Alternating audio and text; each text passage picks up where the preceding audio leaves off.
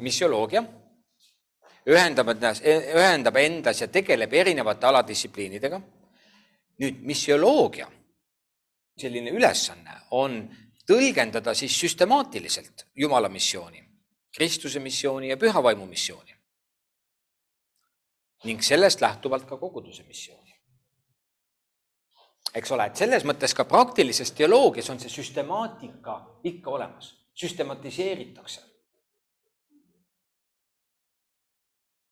põhimõtteid, praktikaid.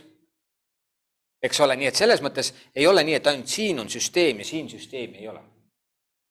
ikkagi on süsteem, aga, aga ta tegeleb peamiselt praktikaga. ja missioloogia puhul veel on hästi oluline aru saada sellest, et, et missioloogia tegelikult haarab ka teoloogia väliseid distsipliine millega ta tegeleb, näiteks kulturoloogia, konkreetse kogukonna, rahvuse, piirkonna kultuur. kulturoloogia omakorda tegeleb ju väga palju ajalooga, välja kujunenud teatud rahvuse eripäradega, traditsioonidega. Ja kui me tahame missioloogiliselt olla edukad, me peame arvestama sellega, rahvuse eripäradega näiteks nii et kulturoloogia, demograafia tegelikult ongi rahvastikuteadus, eks ole, siin me käsitleme tegelikult ka kõiki eh, erinevaid rahvusgruppe, siin me käsitleme eh, nende gruppide suuruseid äh, ja kogume andmeid põhimõtteliselt, kogume andmeid selle missiooni siis missiooni nende kohta, kellele me missionit tahame teha, ütleme siis nii. antropoloogia, õpetus inimesest eks ole. Äh, tegelikult see õpetus inimesest on ka siin olemas süstemaatikatoloogias. Äh, õpetus inimesest ja langemisest, patust kui niisugusest tegeleb just see distsipliin siin. aga, aga siin antropos on siis inimene ja sellest antropoloogia. et see on ka haaratud siia sisse. ja siis sotsioloogia. ja sotsiaalteadused üldse laiemalt. sotsiaalteadused tegelevad väga palju laiemalt just selliste inimsootsiumile omaste äh, valdkondadega. inimühiskond kui niisugune, eks ole. ja selles suhtes äh, need kõik on haaratud ka missiooni ideoloogiasse tervikuna. vähemal või rohkemal määral. see nüüd sõltub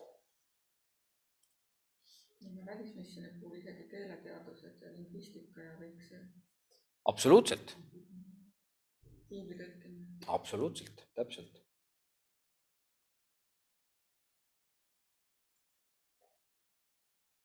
mina isegi ei ole kõigega kursis, mis siin kõik veel all võiks olla, eks ole. aga nagu ma ütlesin, ma pigem püüan anda lihtsalt niisugust suurt pilti. nii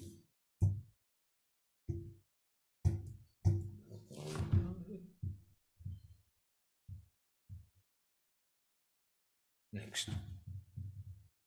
nüüd missiooni ideoloogia juures on siis teatud valdkonnad, mis on ka nagu sõnastatud.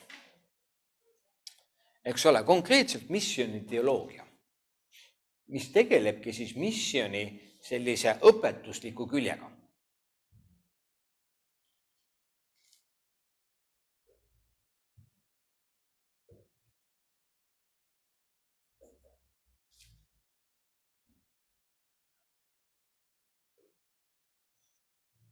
missioonideoloogia all on võimalik teha äh, näiteks äh, selliseid Uue Testamendi teatud missiooniga seotud kirjakohtade eksegeesi, näiteks, lihtsalt näide.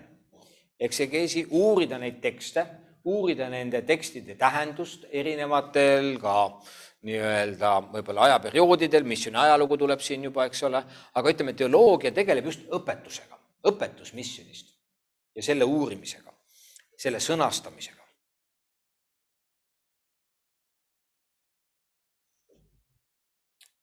Missiooni ajalugu.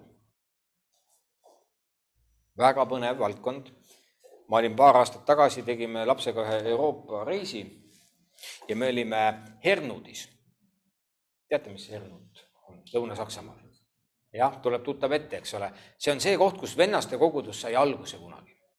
ja siis seal Ernudis äh, ma olen ühes kohas, kus on üleval kaart. mul on siis kuskil telefonis see pilt, aga, aga kaart ja vennaste koguduse liikumine oli esimene maailmas, kes alustas globaalse missiooniga. aastatel tuhat seitsesada midagi kopikatega seal. ja, ja seal kaardi peal üle maailma olid need kohad, kuhu nemad läkitasid missionäre. kolmsada aastat tagasi, uskumatu äh,. ülipõnev vaadata, eks ole, ja uurida siis ka just nimelt seda ajalugu, mida on kiriku ajaloos tehtud missiooni mõttes. see on see valdkond, eks ole, missiooni teooria et äh, see natukene ka siin ühineb selle missiooni ideoloogiaga, aga, aga just nimelt see missiooni teooria tegeleb siis ka selliste kontseptuaalsete äh, missiooni teemadega, küsimustega. Äh, ja teoreetiliselt näiteks, näiteks minu meelest väga huvitav valdkond uurida näiteks, et milline, millised missiooni praktikad tegelikult siis ka toimivad ja millised noh, ütleme nii, et need on siin omavahel seotud, aga, aga uurida näiteks mingis lõputöös, kursuse töös, uurida, et millised missioonipraktikad ja teooriad omavahel nii-öelda siis põimuvad ja millised ka omavahel põrkuvad.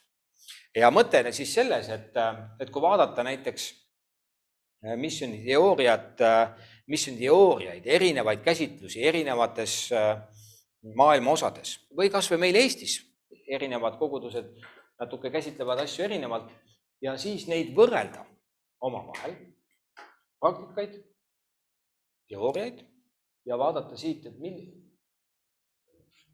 siit näiteks vaadata, mis siit nagu, nagu võiks järeldada. missiooni praktika ja missiooni ideoloogia ja strateegia. Äh, no siin strateegia puhul võiks öelda seda, et, äh, et põhimõtteliselt siin mõeldakse ja see on eriti populaarne Põhja-Ameerikas, et kogudused väga palju räägivad missiooni strateegiatest. me, mis on, iga megakogudus põhimõtteliselt kirjutab oma raamatu, milline on meie missiooni strateegia. igaühel on justkui oma mingi, mingi tõde. et äh, ma ei ole kindel, et need Euroopas nagu täiesti toimivad ja, ja nendest meile abi oleks. no vot ja tegelikult neid valdkondi võiks isegi veel võtta, aga siin on mõned nendest äh, olemas näidetena. nüüd läheb nüüd praktilisemaks, see oli see küsimus, mis siin vaheajal ka oli, et äh, kas me räägime ka natuke praktilisemalt, et kuidas see missioon ja, ja koguduse tegevus siis omavahel äh, nagu põimuvad ähm,. ma sellest juba natukene ennem rääkisin, aga põhimõtteliselt missionaarse koguduse puhul keskendutakse läkitamisele, mitte kogumisele. et kui need eelmised koguduse kasvu äh, siin ja koguduse tervisemudel peamiselt tegelesid ikkagi koguduse kasvamisega kui niisugusega, siis missionaarne kogudus nüüd tegeleb läkitamisega peamiselt. ja mis selle puhul on hästi tore, et see tunnustab inimesi nende andidega koguduses ja vabastab neid oma andidega teenima eile ma panin teile siia see kolm color world, Anni test. eks ole, see on üks näide sellest.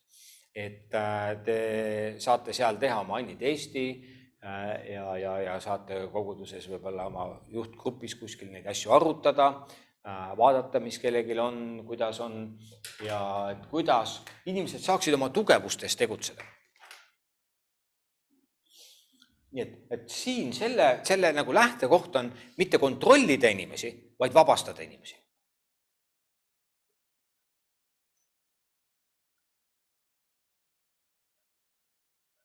ja, ja, ja see läkitamine ei tule nii palju sellest, et nüüd mina juhina hakkan läkitama sind sinna, sina sinna, sina sinna, eks ole, vaid pigem see tuleb nagu sellest, et mida sina oma südames, oma elus koged, kuhu Jumal sind kutsub, mis suunas liikuma ja pigem minu roll juhina on sind inspireerida, toetada, varustada.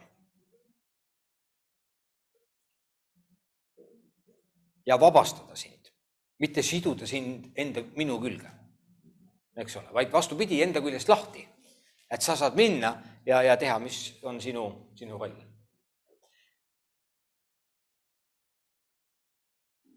traditsioonilises koguduses me kipume pigem inimesi kontrollima. Oi, sa pole mitu pühapäeva kirikus käinud, kuule, kus sa oled, kuidas sul läheb? Äh, sa, sa ei käi üldse palvekoosolekul. jaa, on kogudusi, kus mõõdetakse inimeste vaimulikku küpsust selle alusel, kes käivad palvekoosolekul. see nagu määrabki ära asja ja ma ei ütle, et see on vale, ma lihtsalt ütlen, et see on teatud viis asju mõelda. Missionaarne kogudus nii ei mõtle. missionaarses koguduses mõeldakse selle peale, kuidas me saame need inimesed välja läkitada. missioonil nad peavadki palvetama, aga kui me kogume nad ainult siia palvetama ja missionit ei toimu, siis tegelikult ei, ei, ei, ei toimu seda, mida, mis peab toimuma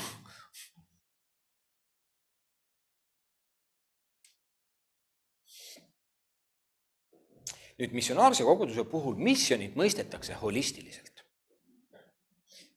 Jeesus ütles, minge kogu maailma ja kuulutage evangeeliumi kogu loodule.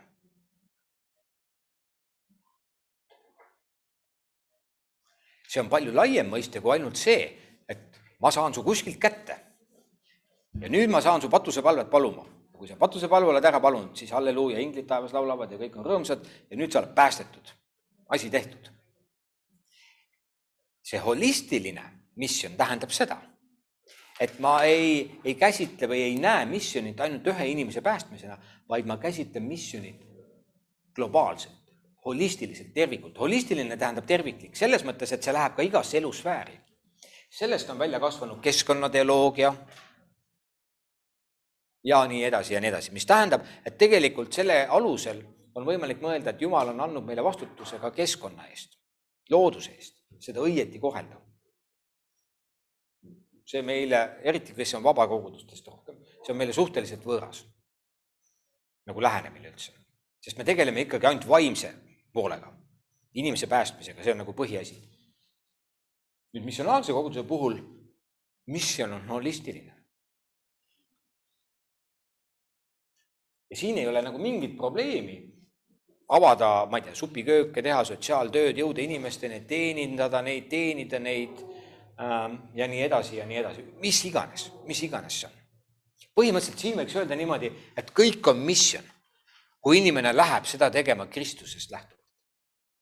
ja mis on selle asja nõrk pool muidugi, see nõrk pool on see just, fookus kaob ära ja, ja võib tõesti kaduda ka see ära, et ma ei palu sinna kunagi patuse panna ma ei jõuagi selleni, et tegelikult sa teeksid isikliku pöördumisotsuse.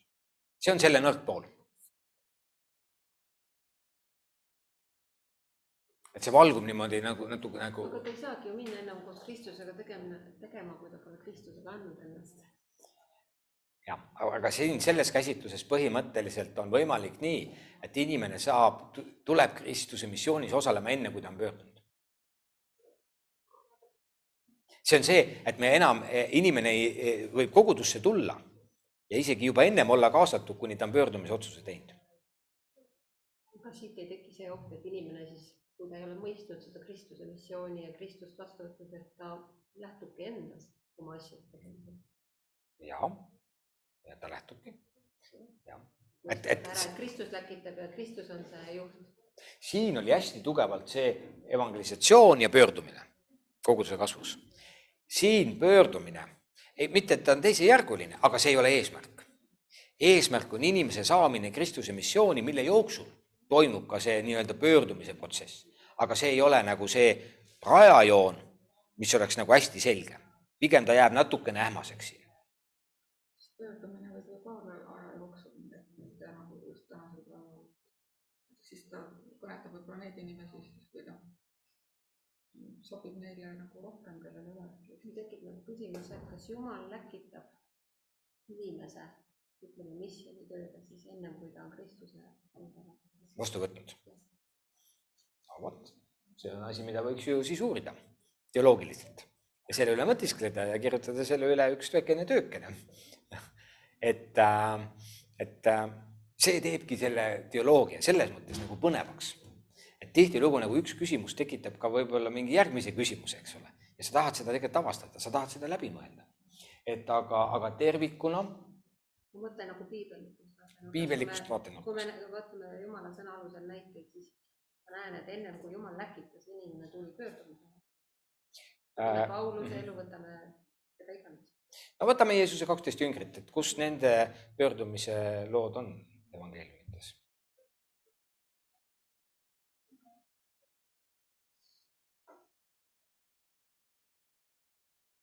Johannes evangeeliumi alguses me seda, nad tulid nagu Jeesuse juurde. tulid Jeesuse juurde, nii. valiti välja ja, ja siis püha vaim äh, hakkas neid juhtima. kas õpetame neid, näitame Kristust avama? aga me ei leia ühegi nende kaheteistkümne apostli kohta sellist pöördumislugu nagu Pauluse kohta.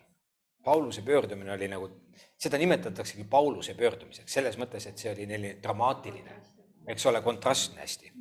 kaheteistkümne apostli puhul me näeme, et nad pigem kasvasid Jeesuse missiooni sisse. ja sellest mina julgen järeldada ainult üht. Jumal teeb seda nii ja naapidi. kõige olulisem, et see inimene lõpuks või ühel hetkel jõuab selle tunnistamiseni, et Kristus on issand minu elus, Jeesus on issand. noh, Peetrus muidugi tunnistab seal, eks ühel hetkel, et, et kas see on tema nüüd püha vaimu käest saadud, tõenäoliselt mhm. see on püha vaimu käest talle ilmutatud, et mhm. vot miks ta mhm. tunnistab seda. Nad tegelikult ikkagi tunnistasid teda Kristuseks juba selle kolme aastase maadel oleku ajal. ja, aga see toimus mingi protsessina, et, et seda on ka võimalik hakata uurima, et mis ajas tegelikult tõenäoliselt see kogemus Peetrusel võis olla, et ta sai korraga aru. Jeesus ütles, liha ja veri ei ole sulle ilmutanud, vaid minu isa, eks ole. et see tõenäoliselt ei olnud kohe esimesel nädalal või esimestel kuudel isegi mitte esimesel aastal tõenäoliselt, pärast seda, kui Jeesus nad oma jüngriteks võttis, see võttis mingi aja.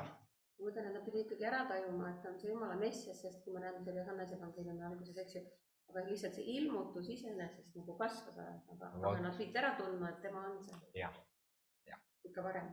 muidu nad ei oleks järginud. jah, ja, ja kindlasti jah ja, ja selles mõttes ka, kui me mõtleme inimesed, kes tulevad nagu koguduse juurde, et tänapäeval üldiselt need pöördumised on pigem mingi protsess. ei ole sellist nagu ärkamisaegadel niisugune hästi järsk patutunnetus ja hästi järsk pöördumine. tänu Jumalale selliste aegade eest. aga ma usun, et kogudus peab tegutsema selles ajas, kus ta on ja mitte ootama, et tingimused muutuvad, vaid kasutama nagu neid aegu, mis on võimalikult paljude inimeste Jeesuse juurde toomiseks. ja tänu Jumalale, kui on pöördumisi, nii-öelda, mis on hästi selged see peaks olema ikkagi nagu eesmärk, eks ole, et inimene teab, et ta on pöördunud, kahtlemata. aga see ei tähenda, et see siin on välistatud, aga siin on see ähmasem selles käsitluses. sest keskendutakse Jumala missioonile. ma ütlen selle mõtte juba siin ära. Need kolm käsitlust, mida ma teile tutvustan, selles mõttes ei ole ükski ideaalne. ma tutvustan teile koguduse kasvu käsitlusi, kus igas ühes on väga palju head, aga igalühel on ka omad nõrkused ja me peame nüüd enda jaoks välja selekteerima, mis on meie jaoks ja kuidas me saame siit edasi minna. eks ole, et see oleks nagu mõistetud. Äh, no ma lõpuks võin öelda ka, mida ma ise eelistan, eks ole, aga ma ütlen seda siis lõpuks. nii, holistiline käsitlus. nüüd missionaarse koguduse puhul ollakse hästi tundlikud konteksti osas. ma julgeks öelda isegi ülitundlikud mis sinu jaoks töötab, mis teie jaoks töötab, kuidas sulle mugav on. ühesõnaga, et, et selle missiooni objekt nagu on hästi arvestatud. ja kuidas talle on hea. ja Leslie Newbigin ütles siis niimoodi, et evangeelium peab olema niimoodi inimestele esitatud, et nad sellest aru saavad. et see, kui üks äh, vägev evangelist läheb Aafrikas platvormi peale ja miljonitele inimestele kuulutab niimoodi, et ta karjub nii, et hääl on ära.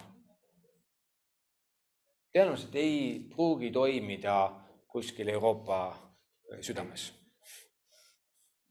ta jääb sinna üksinda karjuma. on ju, ja võimalik, et selline intellektuaalne lähenemine, mis rohkem on Euroopale omane, ei pruugi toimida Aafrikas Nemad vajavadki, et keegi paneb niisuguse preaching'u maha, et, et äh, rahvas lendab kõik kahte lehte. konteksti arvestamine, mis tähendab, et ülioluline, et kui me tahame Eestis, ma ütlen siis nii, kui me tahame Eestis evangeliseerida, missioneerida, siis me ei, peame olema üliettevaatlikud, et me toome mujalt riikidest ja maadest sisse kontseptsioonid ja ütleme, nüüd see peab siin niimoodi töötama. ei pruugi. Ja see, mis siin võib töötada, ei pruugi Venemaal töötada või Ukrainas või Valgevenes või kuskil mujal. Soomes. me vajame leida ja avastada selle oma konteksti.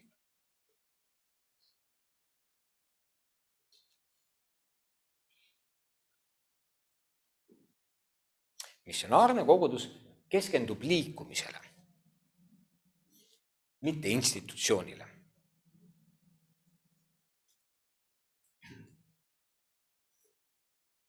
Ja siin pigem nii-öelda võrgustatakse inimesi.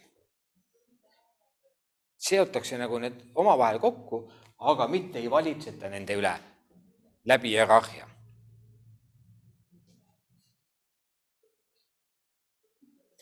ja missionaarse koguduse niisugune üks aluskäsitlusi inimestest on, et inimestele meeldib Jeesus, aga nendele ei meeldi kogudus ja seda näitab väga palju tänapäev, et, et inimestel on institutsiooni suhtes väga suur eelarvamus kiriku kui institutsiooni suhtes. kas see lõpuks ei vii sinnani, et milleks siis üldse kogudust vaja on, et? oht on olemas, see oht on olemas et selles missionaarses koguduse käsitluses loomulikult on ka erinevaid äh, suundumusi, et kõige niisugused äärmuslikumad ongi need, et ütlevad, kogudust pole vaja. see on tõsi. ja see on äärmus, ilmselgelt see on äärmus. see last reformation läheb ka sinna alla. ei lähe, see on, seal on õpetuslikult nii palju probleeme minu silmis et äh, ma ei julgeks teda siia ritta panna. aga jah, selles mõttes nad on antikoguduse küll, jah. Nad on täitsa ikkagi koguduse ja struktuuri vastased igas mõttes. aga nemad ei ole klassikalised missionaarse koguduse nagu mina ütleks niimoodi, et nad on pigem mingi reformatsioon või revolutsioon omal viisil.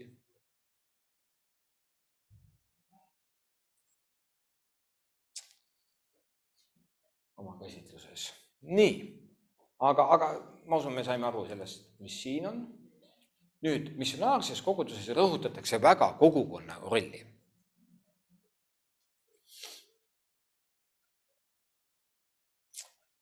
ja see väide siin, meie identiteet inimestena on leitav kogukonnast uh, see tähendab seda, et äh, ilma kogukonnata me ei leia nagu üles, kes me tegelikult ise oleme. Me vajame selleks teisi inimesi, me vajame nende peegeldust, me vajame nende seda sotsiaalset äh, keskkonda, et avastada iseennast. see on nagu selle väite äh, nagu alus. ja nüüd meie identiteet kristlastena siis on leitud selles Kristuse kogukonnas. ja meie missioon siis toimub valguse kogukondade kaudu Te olete kuulnud ja tõenäoliselt teate, et Eestis mitmed uued kogudused, näiteks 3D ja mõned veel, on just kogukonnapõhised, viimase kümne aasta jooksul tekkinud. me võiksime põhimõtteliselt klassifitseerida neid missionaarseteks kogudusteks, nende tunnuste poolest, mida nad kannavad. ja näiteks kas või see kogukond. olles ise lähedalt olnud 3D-ga seotud, siis ma julgen öelda, et, et jah, nad ei keskendu institutsioonile, üldse mitte. Nad keskenduvad tegelikult missioonile ja see on pigem niisugune võrgustik, kogukondade võrgustik. Nad ei valitse nende kogukondade üle, nad kuidagi ei püüa seal äh,, nendel on oma struktuur, aga, aga see struktuur on niisugune nagu, nagu mõnus. ta on niisugune nagu vabastav äh,, mitte domineeriv. küsin korraks, kui tohib kuidas selliste võrgustike puhul üldse selline nii-öelda põhitõdede tagamine toimub, et, et selline mingi võrgu või ei ole sellist justkui nagu keskset, keskset mm -hmm. nagu mhm. organisatsiooni mm, -hmm. et kuidas tagatakse see, et kõik need võrgustikud ikkagi järgivad täpselt äh, nii-öelda kristlikke põhitõdesid või, või üleüldiselt äh, mittetõdesid? on võrgustikke, mis on tugevamad, on võrgustikke, mis on lõdvemad 3D-s, kui ma nüüd 3D-st võin mainida, siis 3D-s on nii, et iga pühapäev on kogukondades üks ja sama jutlus, videojutlus, umbes kuni kakskümmend minutit. ja selles mõttes sellega hoitakse nagu see õpetuslik selgroog nagu paigas. ja siis on arutelu ja see käib põhimõtteliselt selle jutluse ümber. nii et äh, sellega on nagu see asi tagatud. maailmas laiemalt on väga palju niisuguseid missionaarseid kogukondi, kes on suht üksinda, lõdvalt seotud kuskil kellegiga. Äh, ja, ja selles mõttes ilmselgelt seal pole mingit kontrolli, mis seal toimub. et kui juht ei, või juhtkond või kes seal iganes siis on määratletud, äh, kui nemad nagu ei suuda seda tagada ja hoida, siis see võib täitsa lappesse minna.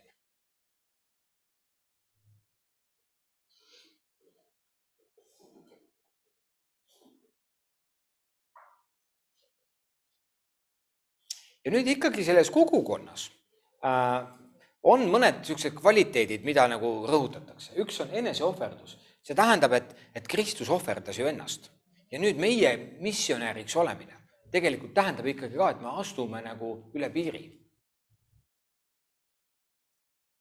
üle oma mugavuse piiri ja teeme siis seda, mida on vaja teha. suhete põhisus on nagu see alus, mille alusel kogu asi toimib ja ikkagi ilma pühenduseta, minu pühenduseta Kristusele, aga minu pühenduseta ka teistele kogukonnas, see asi ei toimi. mis tähendab, et, et see kogukonnas see pühendus on vastastikune. ei ole ainult juhid pühendunud, traditsioonilises koguduses ainult juhid on tihtilugu pühendunud või mingi aktiviteet, väike hulk inimesi. ma alles ühe inimesega siin hiljuti suhtlesin nädala sees mingi jutt oli ja siis ta ütles, et aga, aga need inimesed ei ole minu koguduses aktiivsed liikmed. ma ütlesin, mis sa sellega mõtled? no nad ei käi kohal kogu aeg. kuidas sa mõõdad aktiivsed liikmed, kas need, kes käivad sul pühapäeval kirikus istumas või need, kes te, reaalselt midagi teevad, vastutavad ja aitavad seda koguduse tööd teha? et see on ka jälle erinev, kuidas me seda nagu käsitleme. eks ole, aga siin kogukonnas on siis just pühendus nagu vastastikku näiteks 3D-s lisaks sellele, et on kogukonnad, on igal inimesel, ma võin eksida, kas kord nädalas või kord kahe nädala tagant, väike rakugrupp. kaks kuni kolm-neli inimest saavad omavahel kokku ja räägivad väga intiimselt oma kiusatustest, oma pattudest, äh, palvetavad koos ja on niisugune väga intiimne väikene raku kogunemine. ja see on vastastikune pühendamine teineteisele. traditsioonilises koguduses meil niisugust asja ei ole. enamasti. eesmärgiks on siis ühine missioon, eks ole. ja, ja loomulikult siis see sügav armastus siin, mis tähendab ikkagi seda, et, äh, et nende kvaliteetide kaudu püütakse seda kogukonda toimimas hoida. kui neid ei ole, siis, siis see asi ei toimi. kommenteerin, et siia seminari astumisel on ka see küsimus, sellised küsimused, et mis sa enne tegid oma koguduses ja mis sa pärast teed oma koguduses. aga seda küsimust ei ole, mis sa kogukonnas teed. et, et siin on ka see suur selline koguduse kesksus tegelikult ikkagi kuidagi sees. jah, ütleme nii, et kogukonda võiks mõnes mõttes võrrelda väikegrupiga eks ole, kui koguduses on väike grupp, eks ole, siis seal juba nagu on ka teatud mõttes see kogukonna mõiste tugevam jälle täitsa eraldi teema üldse rääkida koguduse väikegruppidest.